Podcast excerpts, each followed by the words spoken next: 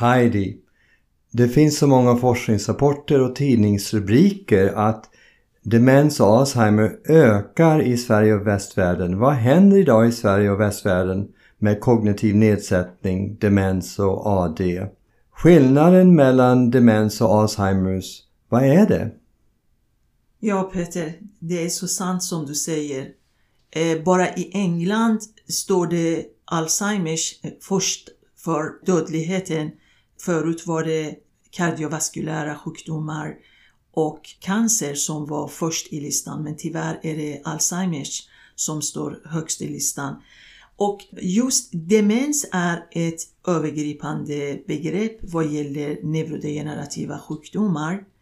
Och de flesta av demenssjukdomar är ju Alzheimers som diagnos där plackbildning är ju ett kännetecken för den här sjukdomen. Vad man eh, har kommit fram till är att man har fokuserat mest på plackbildningen av beta-amyloid och inte tänkt på underliggande orsaken till den här sjukdomen.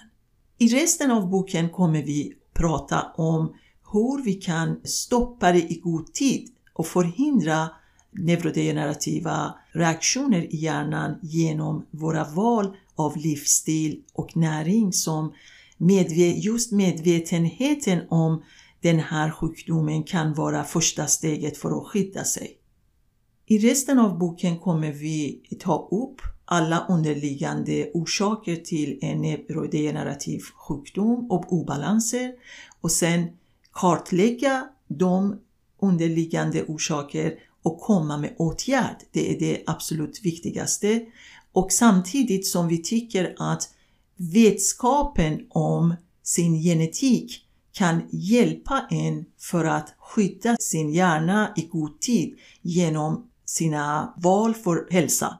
Peter, varför eh, finns det flera frågeformulär och självtester i boken för att beräkna om man har risk för eller börjar få kognitiva nedsättningar?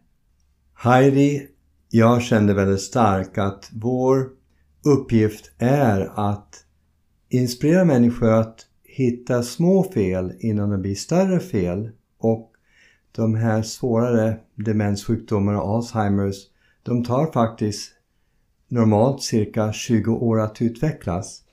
Så om vi kan göra små självtester eh, och hitta de här dysfunktioner tidigare så är det mycket lättare att åtgärda. Vi har ju kraftfulla verktyg att åtgärda.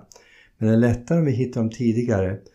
Så att vi vill ha de här självtesterna, frågeformulärer så man kan hitta saker lite tidigare. Och läkarna, det finns standardtester som neurologer håller på med för att kartlägga var man finns på den här skalan. Vi har en skala 1 till 20.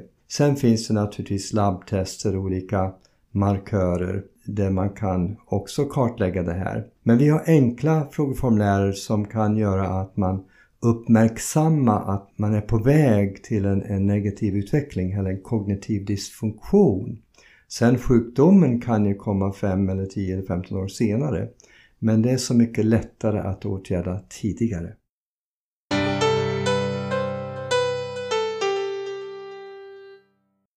Utveckla din hjärna och hälsa genom att besöka hemsidan raddadinhjärnanu.se och köp boken.